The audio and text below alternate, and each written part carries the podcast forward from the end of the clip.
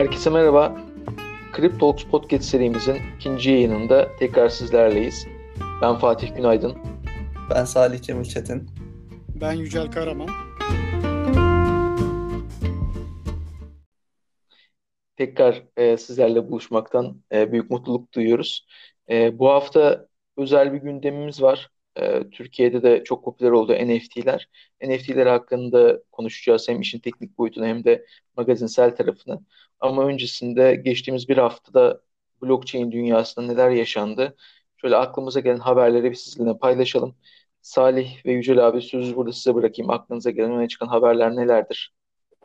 Tabii abi. Ee, benim iki tane notum var bu hafta. Ee, bizim gün e, atılan ilk tweet'in NFT olarak tescillenip e, satılması gündemde. Bu hafta böyle bir e, gündem oluştu. E, bir diğer konuda, konuda Every Day's First 500 Days e, isimli e, sanat eserinin NFT olarak açık arttırmada 69.3 milyon dolara satılması haberi var. E, gündemimizde oluşturduğu için bu iki haberle başlayayım istedim ben. Zaten bu ikinci haber e, asıl NFT'deki sükseyi yaratan olay oldu. E, konuştuğumuz biraz daha detayına gireriz. Yücel abi sende ne var?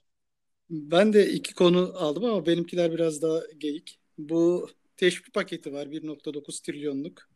75 bin dolar altı gelirdeki herkese 1400 dolar dağıtılacak. Piyasaları biraz karıştırabilir yine. Diğer bir haber çok geyik yani. Bu Çin'den 101 tane e, yazılımcı getirilmiş, bilgisayar mühendisi getirilmiş. Bir villaya kapatılmış ve kripto üretmesi için e, çalıştırılmış. Yani dijital köle haline getirilmiş. Eskiden beyaz kadın ticareti yapılıyordu. Şimdi bilgisayar mühendisi ticaretine başlanmış. Sonumuz hayır olsun. yani evet, dünya değişiyor dedik ama bu kadarını da beklemiyorduk. Ee, ilginç, ilginç. Yani biz bizden çıkması daha ilginç tabii ülke olarak e, bu tarz haberlerin. E, güzel. E, şimdi bir ana konumuza dönersek bugünkü gündemimiz NFT'ler. E, herkes konuşmaya başladı bir anda. İşte sözlüklerden Twitter'a, e, bütün sosyal medya, Instagram'da bile insanlar NFT paylaşımları yapıyor. E, alakasız olmasına rağmen. E, nedir bu NFT? Bize şimdi biraz hani magazinin ötesinde tekniğinden bahsetmek gerekirse e, NFT nedir? Biraz böyle e, bilmeyen herhangi birisinin anlayacağı, sade vatandaşın anlayacağı şekilde biraz anlatabilir misiniz? Abi ben kısaca bir giriş yapayım. Ee, şimdi geçen hafta da bahsettiğimiz gibi bir güven tesis demiştik. Güven tesis ediliyor blockchain protokolleriyle birlikte dijital ortamda. Ee, bunun getirdiği iki farklı kavram var. Şimdi bu kavramlar e, dallanarak gidiyorlar. Coin ve token farkı. Geçen hafta Yücel abi de kısaca bahsetmişti. E, bir protokolün kendi native yani doğal e, parasını eğer konuşuyorsak bu bir coin oluyor. Bu protokol üzerinde, bu coin'in üzerinde bir e, uygulama geliştirilmiş ise bu da token oluyor. E, burada coin'ler örnek olarak işte Bitcoin en temel örneği veya Ethereum bir e, coin örneği. Ama Ethereum'un üzerinde bir uygulama geliştirdiğimiz zaman e, bunu kullandığı e, para birimi, birim de token oluyor. E, hani temel olarak düşünürsek coinler protokol bazlı, e, tokenlar da DApp dediğimiz e, distributed app yani dağıtık uygulamalarda kullanılan e, birimler diye düşünebiliriz. E, NFT de burada non-fungible token dediğimiz yani e, bir e, para birimi gibi kullanmaktan ziyade daha böyle unique, daha tekil bir e, varlığı temsil eden bir birim. E, tabii non-fungible token dediğimiz zaman bir de bunun fungible tarafı var. E, fungible tokenlar daha çok bizim para, işte TL, dolar veya altın, gümüş gibi e, gördüğümüz e, biriktirilebilen, e, bölünebilen, toplanabilen varlıklar aslında. E, iki farklı taraf var dedik. E, fungible ve non-fungible. E, non-fungible'a örnek de bir ev olabilir. Yani nevi şahsına münhasır dediğimiz bir köpek olabilir, bir araba olabilir. Yani e, bu varlıktan başka olmadığı durumlarda non-fungible'ı kullanıyoruz. E, gündemimizde olan non-fungible'ın olmasının sebebi az önce bahsettiğimiz e, haberler de aslında çünkü sanat eserleri çok tekil ve çok e, nadir gördüğümüz eserler olduğu için non-fungible olarak tescilleniyor. Yani bir dijital ortamda bunun tescillenmesi ve sahipliğinin el değiştirmesi söz konusu burada. Yine geçen haftaya refere edecek olursak güveni ve e, sahipliğini herkesin güvendiği bir ortamda el değiştirmesi söz konusu. E, şimdilik kısaca bahsetmem gereken konular olarak bunlar var. Yücel abi eklemek ister misin bir şeyler? Ben biraz daha değişik açıyla yaklaşayım. Ortaçağ devrini düşünelim. Ortaçağ önce kendi zengin sınıfını yarattı. O zengin sınıfı kendine ait e, ne diyelim keyif aldı, zevk aldığı nesnelere yatırım yapar hale geldi. Bir e, şey oluşturdu. Bir bakış açısı oluşturdu. Biz buna Rönesans dedik. Yani Orta Çağ'da bir aydınlanma Rönesans'la başlamıştı. Şimdi bu, bu çağda aslında dijital Rönesans'ı yaşıyoruz.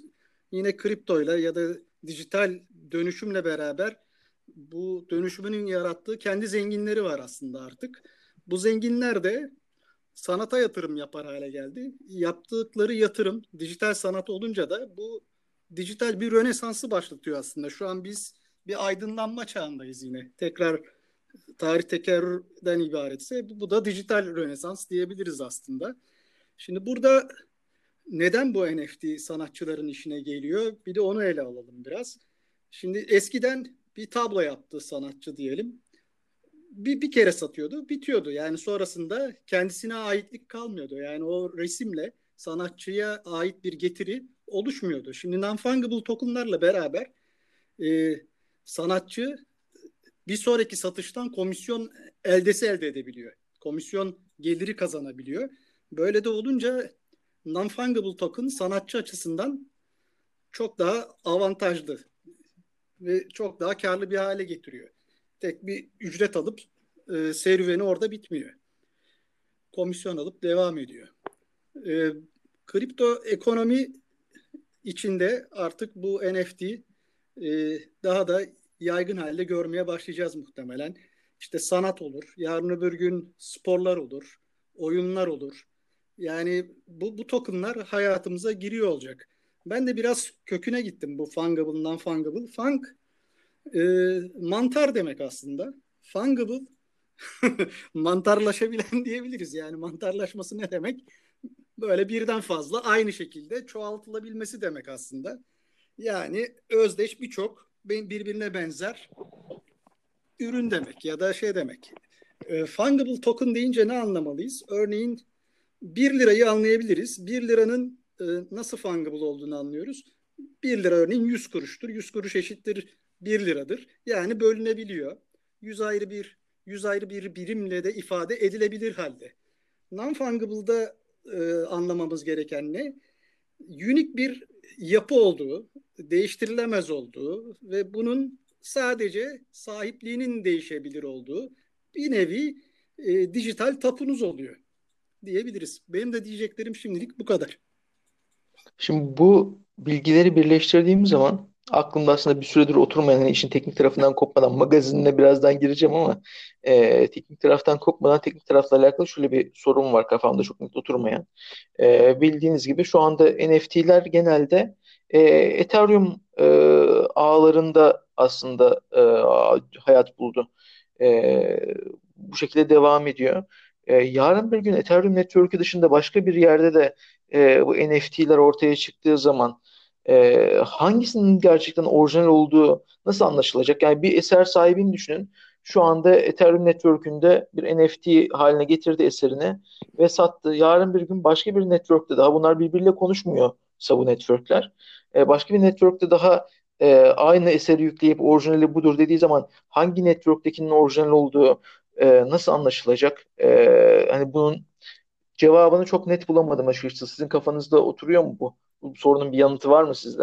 Burada bende şöyle bir yanıt var. Ee, yine referans alacağımız nokta gerçek dünya noktası. Bir eserin sahibi gerçek dünyada atıyorum ben isem ve bir e, blockchain protokolüne bunu bir değer olarak yüklediysem yine benim beyanım esas alınarak ben şu adresten şu smart kontrakta bu eseri yükledim dediğim zaman e, orijinal olarak o baz alınacaktır bundan sonrası için. Yine NFT'lerin bu kadar e, konuşmamızın sebebi aslında bunu NFT'ye çevirip satan e, eseri yani eseri NFT'ye çevirip satan e, sahibinin e, bu kadar itibar görüyor olması. Ya şey aslında e, haklısın. Yani soruyu aslında şöyle e, ete kemiğe büründürürsek Da Vinci bugün yaşasaydı Mona Lisa tabusunda e, şu anda NFT'ye çevirip Ethereum e, protokolüyle e, dijitalleştirseydi ve biri de bunu satın alsaydı orijinal Mona Lisa tablosu e, beyan eden Da Vinci gerçekten bunu ben yaptım diyor ve insanlar Da Vinci yükledi diyor ve bunun orijinalini satın alıyorlar. Sonra birisinin de bunun sahipliği oluşuyor artık. Yani o NFT artık başka birisinin parasını verdi aldı. E, bilmem kaç Ethereum'a. Başka bir network'te daha NFT'sine Da Vinci gider üretirse aynı eserin e, buradaki bir kaotik bir ortam oluşacak gibi. Gerçekten orijinal eser üretilmişti. Onun artık orijinalinin sahibi başkası ama e, Da Vinci kendinde bir kopyasını tutuyor. E, ve yükleyen yine Da Vinci e, başka bir network'e. E, tabii burada şey olabilir. O artık ikinci network'e yüklenen e, Mona Lisa'nın e, kopyasının orijinali e, denilebilir ama böyle kafamda böyle çok e, şey olmadı. Sağlıklı bir zemine oturtamadım henüz en azından bu farklı networkler. Yoksa şu andaki NFT kavramını değil de e, farklı networkler işin içerisine devreye girerse e, nasıl bir dünya oluşur onu çok netleştiremedim kafamda. Burada farklı networkler var aslında. Yani Ethereum dışında Flow var. GFT Aliens var. Doğru. Wincash var. Yani farklı networkler var. Şimdi Da Vinci tabii şimdi ben biraz da argo şey yapayım. Da Vinci o kadar e, ne diyeyim güvenilmezse zaten e, bir süre sonra e, zincire koyduğu ürünün de bir değeri kalmayacak. Yani istediği kadar orijinal olsun o ürünün de e, Da Vinci'nin güvenilirliğiyle de ilişkisi var yani. Yani bu dijital ortamda aslında satın aldığınız şey özellikle blok zincirde Salih deyip duruyor. Güven bir yandan da. Yani bir, bir noktadan sonra kendi ayağına sıkar Da Vinci eğer birden fazla kopya oluşturup satmaya başlarsa. Öyle bir e, şey olur. Dileması olur o işin. Onun dışında e, yani temel nokta güven orada. Yani o, o onu yükleyen adamın beyanına güveniyor olacaksınız. Fiziksel dünyadan dijital dünyaya geçişte o beyan önemli hale gelecek orada. Burada Yücel abinin dediği e, doğru. Çok doğru bir noktaya değindi. E, değerin felsefesine bakacak olursak paranın da ötesinde ya para olarak da düşünebiliriz e, dünya üzerinde dolaşımda olan 1 milyon dolar olduğunu düşünelim. Amerika bu dolar sayısını 2 milyon dolara çıkarttığında doların fiyatı düşecektir, değeri düşecektir. Dolayısıyla Da Vinci böyle bir hamle yaparak kendi emeğinin değerini düşürür. Biraz bu açıdan bakacak olursak ne kadar tekil olursa o kadar değerli olacaktır eserler. Süper. Ee, biraz bu konuyu da şey için açtım aslında. Daha bence pek çok dinleyenin kafasına daha net oturdu e, bu şeyden sonra e, bu metafordan sonra e, açıkçası benim de kafamda daha e, netleştiresim. Yani aslında zaten blockchain'in temeli güvene dayalı. E, bu da onun farklı bir yöntemi. Ya biraz evvel şeye denk geldim. E, öyle bir furya haline aldı ki tabii çok ilginç yerlere gidiyor. Biraz yavaş yavaş magazinine geçiyorum işin. E, LinkedIn'de e, tanıdığım bir aslında visual designer'ın bir paylaşımını gördüm. İşte ilk e, dijital sanat eserimi NFT halde yayınladım diye. Bu arada ben de OpenSea'de bir profil oluşturdum müzikleri e, kaydettiğim müzikleri yüklemek için. E, yavaş yavaş giriyorum. E, trene binmeye başlıyorum. E, birkaç tane şey var. Onlardan bahsedeyim öncesinde. Birkaç tane market e, yeri var. E, şu anda bu NFT'lerin satıldığı. E, işte OpenSea en popülerlerden birisi. Bir de e, Foundation App var. E, Foundation App ilginç bir e, mantıkla çalışıyor ama en çok paranın döndüğü yerde orası. E, aslında Clubhouse gibi biraz davetiye usulü alıyor içeriye.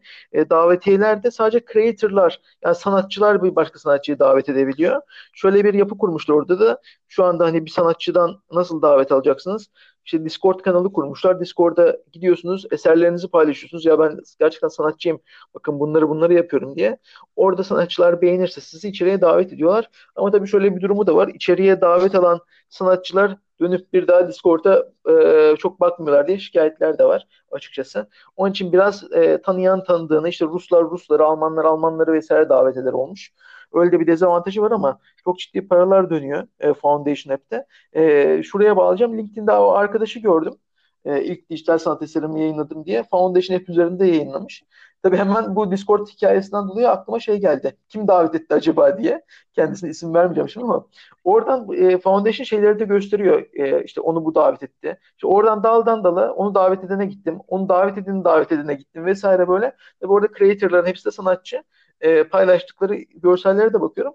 En sonunda arkadaşlardan bir tanesi, e, tasarımcılardan bir tanesi bizim e, Türk tasarımcılardan birisi şey paylaşmış. Böyle bir tane düz çizgi e, Line isminde e, sağ yukarıdan aşağı dikey bir çizgi beyaz bir fonun üzerinde. iki Ethereum'a satmış onu da. E, 3700 küsür dolar karşılığında. E, baktım başka satışlar da var. Yani biz biz de girmişiz e, ülke olarak. Epey bir satışımız var. Oradan onu anladım. Baktım e, sadece bu örnek değil epey bir satış var. E, başka kullanıcılarda da. E, aktifleşmeye başlamışız. E, buradan e, Foundation davetiyesi olan varsa duyurumuzu da yapmış olalım. LinkedIn'den ulaşabilirsiniz. Ben Fatih Günaydın. E, bunun dışında bir de şeyi söyleyeyim. E, benim gündemdeki iki tane daha aslında böyle magazinel etkisi yüksek konu var. Birisi şeyi gördüm. E, bizim Nusret e, Steakhouse Nusret e, 2017'de e, paylaştığı bir Ottoman Steak diye bir tweetini e, NFT haline götürüp e, NFT haline çevirip e, satmış. E, Cent.co sitesinde. E, bakıyorum yani 100 şey 12 Mart'ta 195 dolara satılmış. 0.1 e, Ethereum civarı. Yani işte Nusret de e, tweetini satmış. E, ilginç bir örneklerden birisi o var. 195 dolar hani diğer satışlara göre az görünebilir ama ilginç bir yere doğru gittiğimizin örneği. Bir de şu var NFT'lerde yani sadece dijital varlık e, tam bahsediyoruz ama e, NBA'in çok ilginç bir e, şeyi var, bir platform var. NBA Top Shot diye. E, bu biraz evvel Yücel abinin bahsettiği aslında Flow e, Network üzerinde koşuyor. NBA'deki anları satıyorlar. An. Yani yaşanan anlar. E, işte bilmem kimin topu alıp sürüp basket attığı bir an böyle 3 saniyelik 5 saniyelik anlar ve onları e, gerçekten sahiplendiriyorlar. Onlar artık işte yayın hakkından tutun e, çeşitli platform, onun dijital platformlarda paylaşımına kadar e, pek çok yani orijinalliği ve orijinal paylaşım hakkı, yayın hakkı e, o anları satın alanlarda oluyor. Çok ilginç bir şekilde e, şimdiye kadar e, 350 milyon dolarlık satış gerçekleşti. Çok e, birkaç haftalık bir e, şey olmasına rağmen e, içi site on platform olmasına rağmen e, 350 milyon dolar yani ciddi bir rakam. E, onu söyleyebilirim. Yani buraya şeyler de girecek. Tabii kullanıcıların çoğu Amerika ve Kanada'dan sitenin. E, yani işte NFL girdiği zaman işte e, Amerika'daki daha çok rağbet gören sporlar da e, bunlara girecektir bu işlere. E, aklımı buradan şeye bağlayayım konuyu bir de. E, oldum bu sefer ben ama şu magazin gündemini bitirmiş olayım. E, işte geçen hafta yine Yücel abinin bahsettiği işte Şiliz epey bir e, üzerine koyarak gitti. 5-6 katına çıktı geçen hafta e, konuştuğumuzdan sonra bile. E, mesela Şiliz spor kulüpleriyle çok ciddi anlaşmalar yapıyor. Bizim çocukluğumuzda oynadığımız işte e, futbolcu biriktirme kartları vardı kırtasiyelerden aldığımız. E, aklıma hemen o kurgu geldi NBA'in bu e, içeriğinde gördükten sonra. Yani işte bir oyunla anlaşacaklar. Belki işte Salih senin geçen hafta yine bahsettiğin Engine Coin'le belki birleştiler. Belki ayrı giderler e, bir oyunla anlaştıklarını düşünün. İşte diyecek ki işte Galatasaray Spor Kulübü Şiliz'in zaten e, tokenlarını, kullan fan tokenlarına sahip. Galatasaray fan token, tokenına sahip. E, Galatasaray diyecek ki işte ben Şiliz'de e, NFT'mi ortaya çıkarttım. İşte her futbolcumun NFT'si var. İşte onar tane de diyebilir, yüzer tane de, sadece bir tane de diyebilir. İşte bir tane Falcao kartı kartı var e, o bu oyunda takım kurmak istiyorsanız futbol takımı işte Falcao'yu sadece dünyada bir kişi kadrosuna ekleyebilecek dediğiniz zaman gerçekten futbol piyasasındaki bonservislerin e, döndüğü bir noktaya e, açıkçası. E, burada hani eklemek istediğiniz biraz sözü size devredeyim istiyorum. Çok konuştum. Yani biraz, geldi, e, e, teknolojinin geldiği nokta gerçekten çok ilginç. Ben de şaşırıyorum. Yani 2015'te 2016'da ben blockchain protokolleri üzerine çalışmaya başladığımda bu noktaya geleceklerini gerçekten aklımın ucundan geçmezdi. E, ben de hayretle izliyorum şu anda gelişmeleri. Ben ben de hayretle izliyorum. 101 Çinliyi nasıl aldınız, getirdiniz, çalıştırıyorsunuz. Kripto bilmiyoruz biz aman ha. yani buradan e, duyuralım. E, kaçırılmayalım günün sonunda.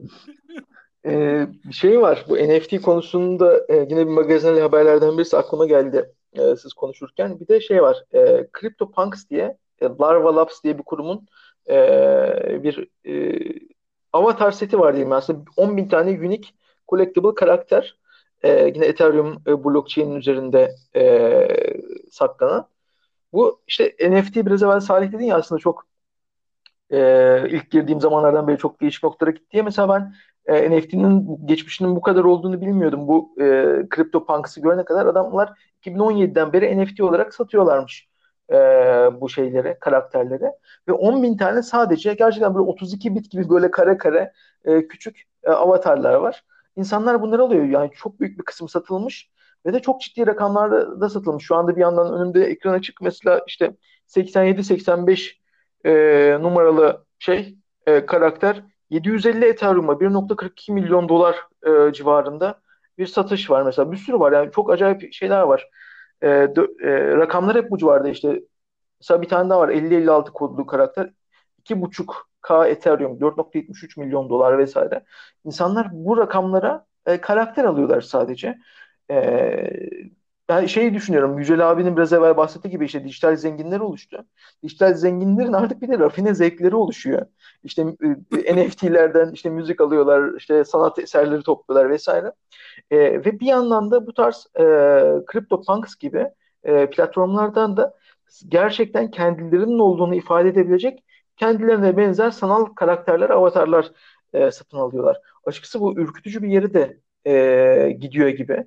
E, yani böyle hani fütüristler e, böyle ütopik e, dünyalar kurar ama sanki onlara da çok yaklaştık ki böyle 2030'lardan sonra belki de e, fiziksel dünyadaki varlığımızın e, bir anlamı olmayacak. Dijital dünyada insanlar kendilerini tamamen yaşatacaklar. Yani bir nevi bu sim soyunun içerisine giriyoruz gibi de hissediyorum e, bir yandan. Yandan ürkütüyor, bir yandan da e, bu şeyin içerisinde e, yer almak da insanlar istiyor.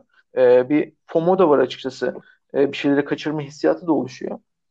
Bakalım nereye gidecek. Açıkçası yani biraz evvel bahsettim ki OpenSea'de işte Creator hesabımı oluşturdum. işte Foundation App'te oluşturmaya çalışıyorum derken ben de sanki bu FOMO'ya kap- kapılmış gibiyim. E, çok yoğun olmasa da e, hani bir şeyler üreten birisi olarak. E, daha fırsat varsa eğer e, o fırsatı değerlendirmeye çalışıyorum. Bu blockchain'in ilk dönemlerinde de insanlar hani ne olduğunu anlamamıştı. Ama e, o, o gün alanlar bugün e, milyoner olduğu durumu var ya. NFT'de de benzer bir senaryo işliyor şu anda. E, insanlar anlamlandıramasa da e, birileri burada şu anda e, yeni milyonerler oluyor. Böyle bir dünya var burada. E, NFT hakkında e, daha söylemek istediğiniz bir şey var mı? Yoksa eğer e, bu haftanın e, kripto coinlerini de e, sizlerden dinleyelim. E, takibinizde olan coinleri de duyalım ve haftayı kapatalım derim. Ben çok kısa bir e, coin söyleyeyim. Yine e, daha çok yeni bir coin bu. E, World Finance diye bir coin. E, birkaç günlük henüz. E, şu an çok borsalarda listelenmiyor ama e, gözümün üzerinde olduğu bir coin diyebilirim. Şahane. Yücel abi sende var mı bir şey takip ettiğin? Valla öyle uzaktan magazinsel seviyede bir holo çok artmaya başladı. Bu hat diye mi geçiyor simgesi? Doğru. O, o biraz dikkatimi çekti. Onun dışında bende de bir şey yok. Yani Holo da tabii ilgi, ilginç. O da Avax gibi hatta daha eski Türklerin en çok yatırım yaptığı coinlerden birisi. İşin ilginci Holo e, bir blockchain de değil. Farklı bir e, mekanizması var. Bloklar olmadan aslında işletiyor. E, ona da belki ilerleyen haftalarda ayrıca bir paragraf açarız. E, çok teşekkür ediyorum bu hafta tekrar e, CryptoTalks'ta e, zaman ayırdığınız için e, Salih ve Yücel abi. Biz teşekkür ederiz. Biz teşekkür Önümüzdeki hafta yeni gündemlerle görüşmek üzere. E, bizi takip edip e, çevrenizle paylaşırsanız e, sevgili dinleyicilerimiz e, biz de bundan memnun oluruz ve yeni podcastler kaydetme şevkimiz artar. Çok teşekkür ediyoruz herkese. İyi haftalar.